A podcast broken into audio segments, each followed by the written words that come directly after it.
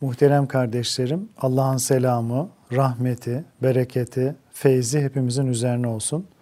Cumanızı tebrik ediyorum. Kalbimiz ve gönlümüz huzur ve saadetle dolsun inşallah.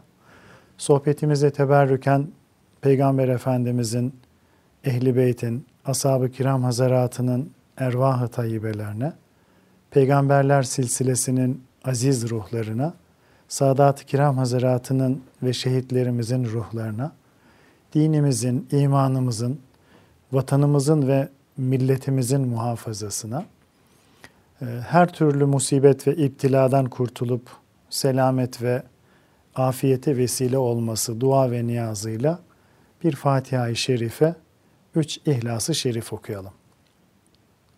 Euzu billahi mineşşeytanirracim. Bismillahirrahmanirrahim. Elhamdülillahi Rabbil alemin ve salatu ve selamu ala Resulina Muhammedin ve ala alihi ve sahbihi ecmain. Muhterem kardeşlerim, bugünkü sohbetimizde inşallah Resulullah sallallahu aleyhi ve sellem Efendimizin tevazuunu ve şefkatini ele almaya çalışacağız. Bu noktada Efendimizin hayatından bazı örneklerle tevazuunun nasıl olması gerektiğini, hayatımıza nasıl aksettirmemiz gerektiğini öğreneceğiz. Büyüklük herkese göre değişen bir vasıftır, kavramdır. Tabi kimine göre büyük adam büyük işler yapan kimsedir. Savaşlar kazanan, ülkeler fetheden, çok kazanan, yeni yeni buluşlar olan kimsedir. Böyle birinin büyüklüğünü koruyabilmesi için ağır oturması, ağırbaşlı olması, kendini ağırdan satması gerekir. Basit kimselerden, basit davranışlardan uzak durması böyle bir insanın şarttır. Diyelim odanın bir yerinde bir çer çöp görse hemen hizmetçiyi o yoksa hanımını çağırmalı. Üstelik ihmalkarlığını yakalamışken onu bir de güzel azarlamalı. Ama asla eline süpürgeyi almamalıdır. Yani büyük adam böyle algılanır. Çarşı işlerini bizzat görmek, haydi gördü diyelim, aldıklarını bizzat taşımak gibi hafifliklere kalkmamalıdır. Bu davranışlar onun itibarını sarsmış olur. Ağırlığını kaybetmesine yol açar. İşte bizim değer ölçülerimiz genelde böyledir. Böyle değerlendiririz. Büyük adamın kendi işini bizzat yapmasını, bizzat kendisini görmesini basit ve önemsiz işlerle uğraşmasını asla kabul edemeyiz. Bizim büyüklük anlayışımız böyledir. Halbuki acaba bu yaptığımız şey doğru mudur, değil midir? Bunu iyi düşünmemiz gerekiyor. Gerçekten büyük adam bu şekilde mi davranmalıdır? Bunu anlamak için geriye dönüp bizim yegane modelimiz olan üsve-i hasene olan Peygamberimiz sallallahu aleyhi ve selleme ve onun hayatına, onun uygulamalarına bakmamız gerekecektir. Mevlamızın aşığı, gönüllerimizin ışığı olan sevgili Peygamberimiz sallallahu aleyhi ve sellem Efendimiz, bırakınız bir söküğü dikmeyi, elbisesindeki yırtığı bile mübarek elleriyle yamardı muhterem kardeşlerim. Zaman zaman süpürgeyi alır, odasını temizlerdi. Keçilerini o gül kokulu elleriyle sağardı. Sabahleyin hanımlarına uğrar, siparişlerini öğrenir, çarşıya çıkarak evinin ihtiyaçlarını bizzat kendisi temin ederdi. Efendimiz sallallahu aleyhi ve sellem. Hatta bir defasında Peygamberler Şahı Efendimizin en dikkatli ve fakat en yoksul talebelerinden olan Ebu Hureyre radıyallahu an onun elindeki eşyanın taşınmasına yardım etmek istemişti. Ama Gönüller Sultan Efendimiz ona evinin eşyasını herkesin kendisinin taşımasının daha münasip, daha uygun olacağını söylemişti. Fakir sahabilerinin evlerine gitmek, hatırlarını sorup onlarla sohbet etmek, yoksul sofralarına bağdaş kurup oturmak ve Allah'ın verdiğini hep birlikte yemek Efendimizin zevk aldığı işlerdendi. Köleler onu arpa ekmeğinden ibaret yemeklerini birlikte yemeye davet ederler. Gönüller Sultanı Efendimiz de onları hiçbir zaman kırmaz. Evlerine gider, onlarla birlikte yere oturur ve onların ikramlarını kabul ederdi. Mescitte veya bir başka yerde ashabının arasında öylesine kayboluverirdi ki dışarıdan gelen bir kimse, bir yabancı peygamberin kim olduğunu sorup öğrenmek zorunda kalırdı. Fark edilmezdi yani Efendimizin meclisin içerisinde fark edilmediğini anlıyoruz. Kendisine özel bir yer ayırmayı, sahabilerinden daha yüksek bir yerde oturmayı e, hiç kabul etmezdi. Hatta bir meclise gidince boş bulduğu yere oturuverirdi Efendimiz sallallahu aleyhi ve sellem. Amcası Hazreti Abbas onun sahabilerin arasında toz toprak içerisinde ziyan olduğunu, kaba ve görgüsüz bazı bedevilerin kendisini rahatsız ettiğini görünce dayanamıyor ve diyor ki bir çardak yaparak Müslümanların dert ve sıkıntılarıyla orada gölgede oturarak Efendimizin meşgul olmasını teklif ediyor. Nebiler Sultanı sallallahu aleyhi ve sellem de amcasına şunları söylüyor onun bu teklifine karşı. Cenab-ı Hak ruhumu kabzedene kadar, ruhumu alıncaya kadar onların arasında bulunacağım. Ökçeme basmalarına, hırkamı çekiştirmelerine katlanacağım buyuruyor Efendimiz. Evet muhterem kardeşlerim, tabi bu çok büyük bir e, vasıf, büyük bir davranış, büyük bir haslet, e, büyük bir anlayış. Gerçekten e, büyük bir tevazu örneği olmuş oluyor. Tabi laftan anlamayan, insanlara katlanmak, hatır gönül tanımayan kaba ve cahil kimselerin görgüsüzlüğüne göğüs görmek gerçekten çok zor bir şey muhterem kardeşlerim. Ama Fahri Cihan Efendimiz sallallahu aleyhi ve sellem yaşamaktan maksadın insanlarla birlikte olmak, onların aralarına karışmak ve onların problemlerine, sıkıntılarına, eziyetlerine katlanmak olduğunu bizlere anlatmış oluyor. Yine bir defasında Müslüman olmakla beraber Efendimiz sallallahu aleyhi ve sellemi henüz görme bahtiyarlığına erememiş birisi onun karşısına çıkınca korku ve heyecandan titremeye başlıyor. Çünkü bu zat Allah Resulü sallallahu aleyhi ve sellemin yüce huzurunda bulunmanın ne önemli bir hadise ve ne büyük bir şeref olduğunu bütün benliğiyle hissediyordu.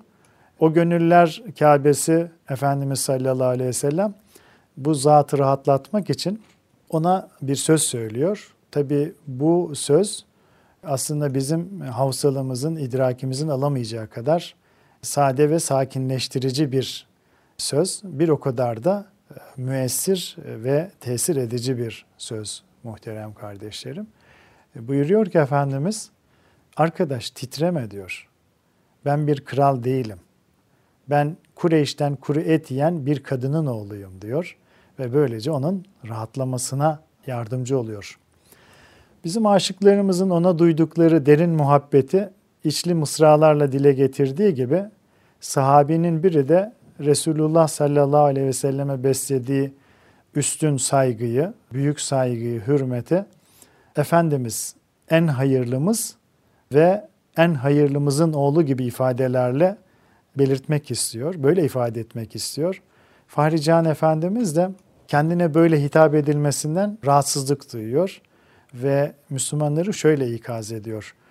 İnsanlar Allah'tan korkunuz, şeytana uymayınız. Ben yalnız Abdullah'ın oğlu Muhammed'im. Allah'ın kuluyum. Cenab-ı Hak beni elçilikle şereflendirdi. Risaletle şereflendirdi. Beni bundan da öte bir ifadeyle anmanızı istemem. Yani bana söyleyecekseniz Allah'ın elçisi diye hitap edin. Bu şekilde benimle konuşun bana böyle hitap edin buyuruyor. Nebi Muhterem sallallahu aleyhi ve sellemin bu konuda titizlik göstermesinin önemli bir sebebi vardı. Hristiyanların Hazreti İsa'ya aşırı muhabbet göstermelerinin doğurduğu korkunç durum gözler önündeydi. Bu sebeple o kendisine normalin üstünde bir mevki verilmesinden endişeleniyordu, kaygılanıyordu. Tevazu alametlerinden biri de her seviyedeki insanın çekinmeden Efendimiz'e yaklaşmasına, dert ve sıkıntılarını rahatlıkla anlatmasına müsait bir tabiatta bulunmaktır muhterem kardeşlerim.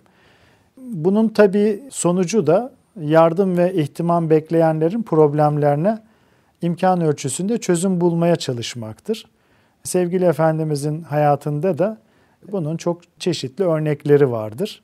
Yani insanların rahatça ona ulaştığı, problemlerini söylediği büyük bir şahsiyet Peygamber sallallahu aleyhi ve sellem. Mesela Medine'de zihni bakımdan özürlü olan bir hanım vardı. Bir gün Server Kainat Efendimizin yanına geldi ve ona seninle görülecek bir işim var diyerek e, elinden tuttu ve onu sokağa çıkardı. Bir köşede de Efendimiz'e sıkıntısını anlattı.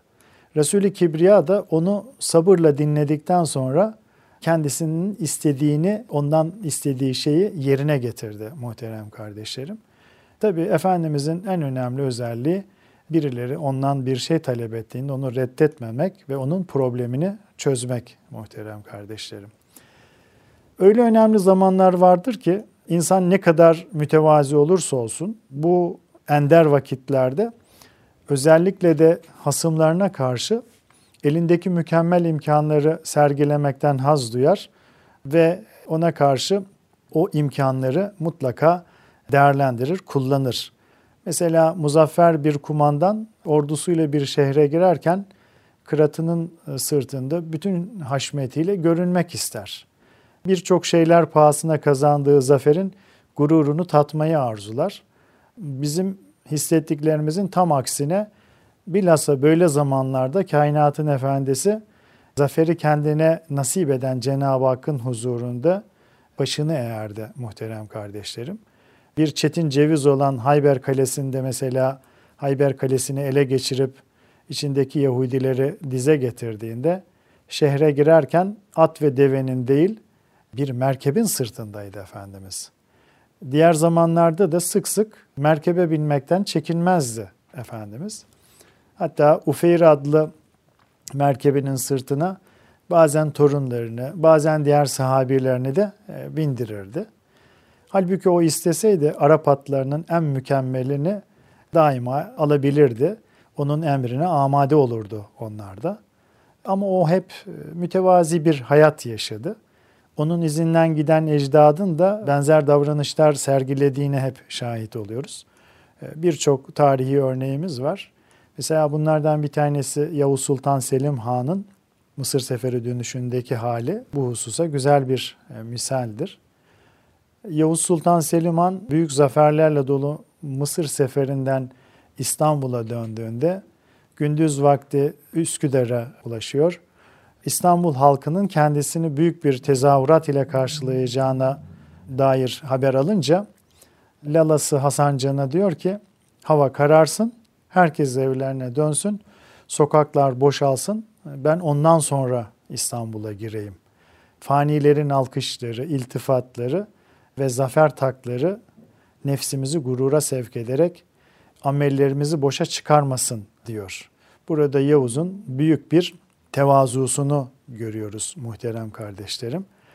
Dünya saltanatını daima kalbinin dışında taşıyan bu koca hünkâr, büyük padişah, ömrünün son anlarındayken lalası Hasan Can'ın hünkârım artık Rabbinizle beraber olma zamanıdır demesi üzerine de hayretle ona bakıyor ve Hasan Can'a diyor ki Lala sen bizi şimdiye kadar kiminle beraber sanırdın cevabını veriyor. İşte bu büyük zaferler kazanan ve mütevazi sultanlar Efendimizin izinden giderek bu büyük tevazu örneklerini gösteriyorlar. Muhterem kardeşlerim, Arapların Eyne Sera ve Süreyya diye hoş bir deyimleri var. Yerdeki toprak nerede, gökteki Süreyya yıldızı nerede anlamındaki bu deyim iki şey arasında mukayese edilemeyecek kadar büyük fark bulunduğunu belirtmek için e, kullanılır, söylenilir. Bu güzel sözün Fahri Kainat Efendimizle bizim aramızdaki ahlak ve şahsiyet mesafesini çok iyi ortaya koyduğunda hiç şüphe yoktur. O müstesna bir insandı. Amenna. Bizim onun gibi olmamız mümkün değildir. Evet bu da doğru. Fakat doğru olan bir şey daha var ki o da Resul-i Ekrem Efendimiz size en güzel örnektir ayeti üzerinde düşünmemiz gerekiyor muhterem kardeşlerim. Bu ayeti kerime bizim görevimizin her hareketimizde ve hayatımızda, hayatımızın her safhasında e, onu örnek almamız gerektiğini bize e, gösteriyor. Dolayısıyla onu model olarak almayacaksak bu ilahi buyruğun hiçbir manası kalmamış olur. İbrahim Hakkı Erzurumi Hazretlerinin Fahri Alem Efendimizin ahlakını vasfettiği Kerem Kanı diye e, redifli bir naat-ı şerifi vardır. Oradan Resul-i Kibriya'nın tevazuna dair de bazı beyitleri var. E, onu da sizlerle paylaşalım. Hakkın mahlukuna rıfku tevazu eyleyip lillah, ederdi cümle halka lütfu ihsan ol kerem kanı. Hayavı hilimle mevsuf idi hem lütfi hürmetle, gelip yalvaranı koymazdı giryan, ol kerem kanı. Yamalıklar dikip esvabına nalin giyip dahi, varıp her hastaya eylerdi derman, ol kerem. Hem ehli beytinin hizmetlerin bizzat ederdi hoş, kamu müşkilleri eylerdi asan, ol kerem kanı. Binerdi geh deve, geh at ve geh katır, gehi merkep, yalın ayak yürürdü ka, o sultan, ol kerem. Gel ey hakkı, unut halkı, Habibi Hak'tan al hulku ki Hak'tan hüsnü hulk almıştı, meccan ol kerem kânı. Muhterem kardeşlerim, Efendimiz sallallahu aleyhi ve sellem büyük bir şefkat pınarıydı. Fahri Kainat Efendimizin cihanı kucaklayan, gönlünde şefkat pınarları taşardı. Sadece insanlara değil, bütün yaratılmışlara e, sevgiyle bakardı. Onların sıkıntıya düşmesini, üzülmesini, acı çekmesini hiç mi hiç istemezdi. Kur'an-ı Kerim'de belirtildiği gibi müminlere çok düşkün olduğu için yani ruhamau beynehum onların sıkıntıya uğramasına hiç dayanamazdı Efendimiz. Bir gün e, namaza durmuştu. Onun arkasında namaz kılmaktan derin haz duyan sahabileri saf bağlayıp o büyük imama Efendimiz'e uymuşlardı. Cemaatin kimi erkek kimi hanımdı. O gün Efendimiz uzun sureler okuyarak Mevlasının yüce huzurunda rahat ve ferah bir namaz kıldırmak istiyordu. İçinden öyle geçmişti. Derken namaz başladı. Efendimiz derin bir vecd içindeydi. Bu derin sessizliği bir çocuğun feryadı bozdu. Uzun bir ibadet düşleyen, hayal eden Efendimiz namazı kısa kesti. Sahabiler namazı niçin bu kadar kısa kıldırdığını merak edip sordular. Şefkat Pınarı Efendimizin gül dudaklarından şu rahmetnameleri çağıldadı. Cemaatin arasında bulunan annenin yavrucağın ağlamasından duyacağı acıyı hissettim, elemi hissettim. Bu sebeple namazı çabucak bitirdim buyuruyor. Tabi bu büyük bir incelik muhterem kardeşim, büyük bir duyarlılık, büyük bir gönül hassasiyeti. Namaz kıldıracak olanlara verdiği şu talimat, bu asil düşüncenin de herkes tarafından benimsenmesi gerektiğini öğütlüyor. Buyuruyor ki Efendimiz, bazılarınız insanları namazdan soğutuyor. İmam olup öne geçen kimse namazı kısa kıldırsın. Çünkü cemaatin arasında zayıflar var, yaşlılar var, işi gücü olanlar var. Yalnız başına kıldırdığınızda istediğiniz kadar uzatın buyuruyor. Dolayısıyla cemaatini imamın gözetlemesi gerekiyor kardeşlerim. Sahabilerden e, birisi cahiliye devrinde ölmüş olan putperest babasını düşünüyor. E, onun ahiretteki yerini merak ediyordu. Acaba cennete mi gitmişti yoksa cehennemde mi diye bunu düşünüyordu. Efendimiz'e gelerek ya Resulallah benim babam nerede diye e, sordu. Resul-i Ekrem de cehennemde diye cevap verdi. Tabi sahabi buna çok üzüldü. Babasının cennette olmasını istiyordu. Onun bu kadar çok üzülmesine kainatın efendisi Efendimiz dayanamadı. Arkasını dönüp gitmekte olan sahabeyi hemen yanına çağırdı. Onu teselli etmek için benim babam da senin baban da cehennemdedir buyurdu. Burası önemli. Bir kişinin üzüldüğünü gördüğünde onu kendi haline terk etmemek hemen onu telafi etmek için bir yol bulmak, bir yöntem bulmak hakikaten bugün Müslümanlar için lüzumlu olan çok önemli bir vasıf muhterem kardeşlerim. Tabi hepimiz biliyoruz ki Habibullah Efendimizin babası ve annesi İslamiyet'ten önce vefat ettiler. Bu sebeple onların cennete mi yoksa cehenneme mi gittikleri konusu ulema tarafından çok tartışılmış ve bu problemi çözmek için de bir hayli eserler kaleme alınmıştır. Ama özetle söylemek gerekirse cahiliye devrinde ölenler genellikle putperest oldukları için evet cehennemlik sayılırlar. Ama Efendimizin anne ve babası İbrahim peygamberin dinine göre yaşadıkları için yani Hanif dine göre yaşadıkları için e, ve putperest olmadıkları için aynı muameleye tabi tutulmazlar. Fakat Peygamber Efendimiz genel kaideye uyarak bir de çok üzüldüğünü gördüğü için bu sahabeyi teselli edeceğini düşünerek ne yapıyor? E, böyle söylüyor. Benim babam da annem de cehennemdedir diyerek e, onu teselli ediyor. Bir insanın kederine böylesine üzülmek, onun gözyaşına ortak olmak ve ıstırabını e, hafifletmek maksadıyla kendi öz babasının acınacak halinden söz etmek tabii ne büyük feragat, ne asil bir fedakarlık ve ne engin bir şefkattir muhterem kardeşlerim. İslamiyet'ten önce köleler adam yerine konmazdı. Efendileri onları döver, söver, bir yerlerini kırıp sakatlar. E, fakat biri kalkıp da bu zalimlere yapma etme diyemezdi. Çünkü kölenin hiçbir değeri yoktu. İslam nurunun cihanı aydınlattığı günlerdeydi. Ashab-ı kiramdan Ebu Mesud el-Bedri bir gün kölesini kamçıyla dövüyordu. Bu sırada gerilerden birinin kendisine e, seslendiğini duydu. Gözünü öfke bürümüştü. Dönüp bakmadı. İyice yaklaşsın sesin sahibi öyle diyordu. Ebu Mesud şunu iyi bil ki senin bu köle üzerindeki kudretinden Allah'ın senin üzerindeki kudreti daha büyüktür buyurmuştu. Bir gerçeğin böylesine çarpıcı bir tarzda söylenmesi Ebu Mesud'u ürpertti. Kendisine hitap edenin Resul-i Ekrem olduğunu gördü.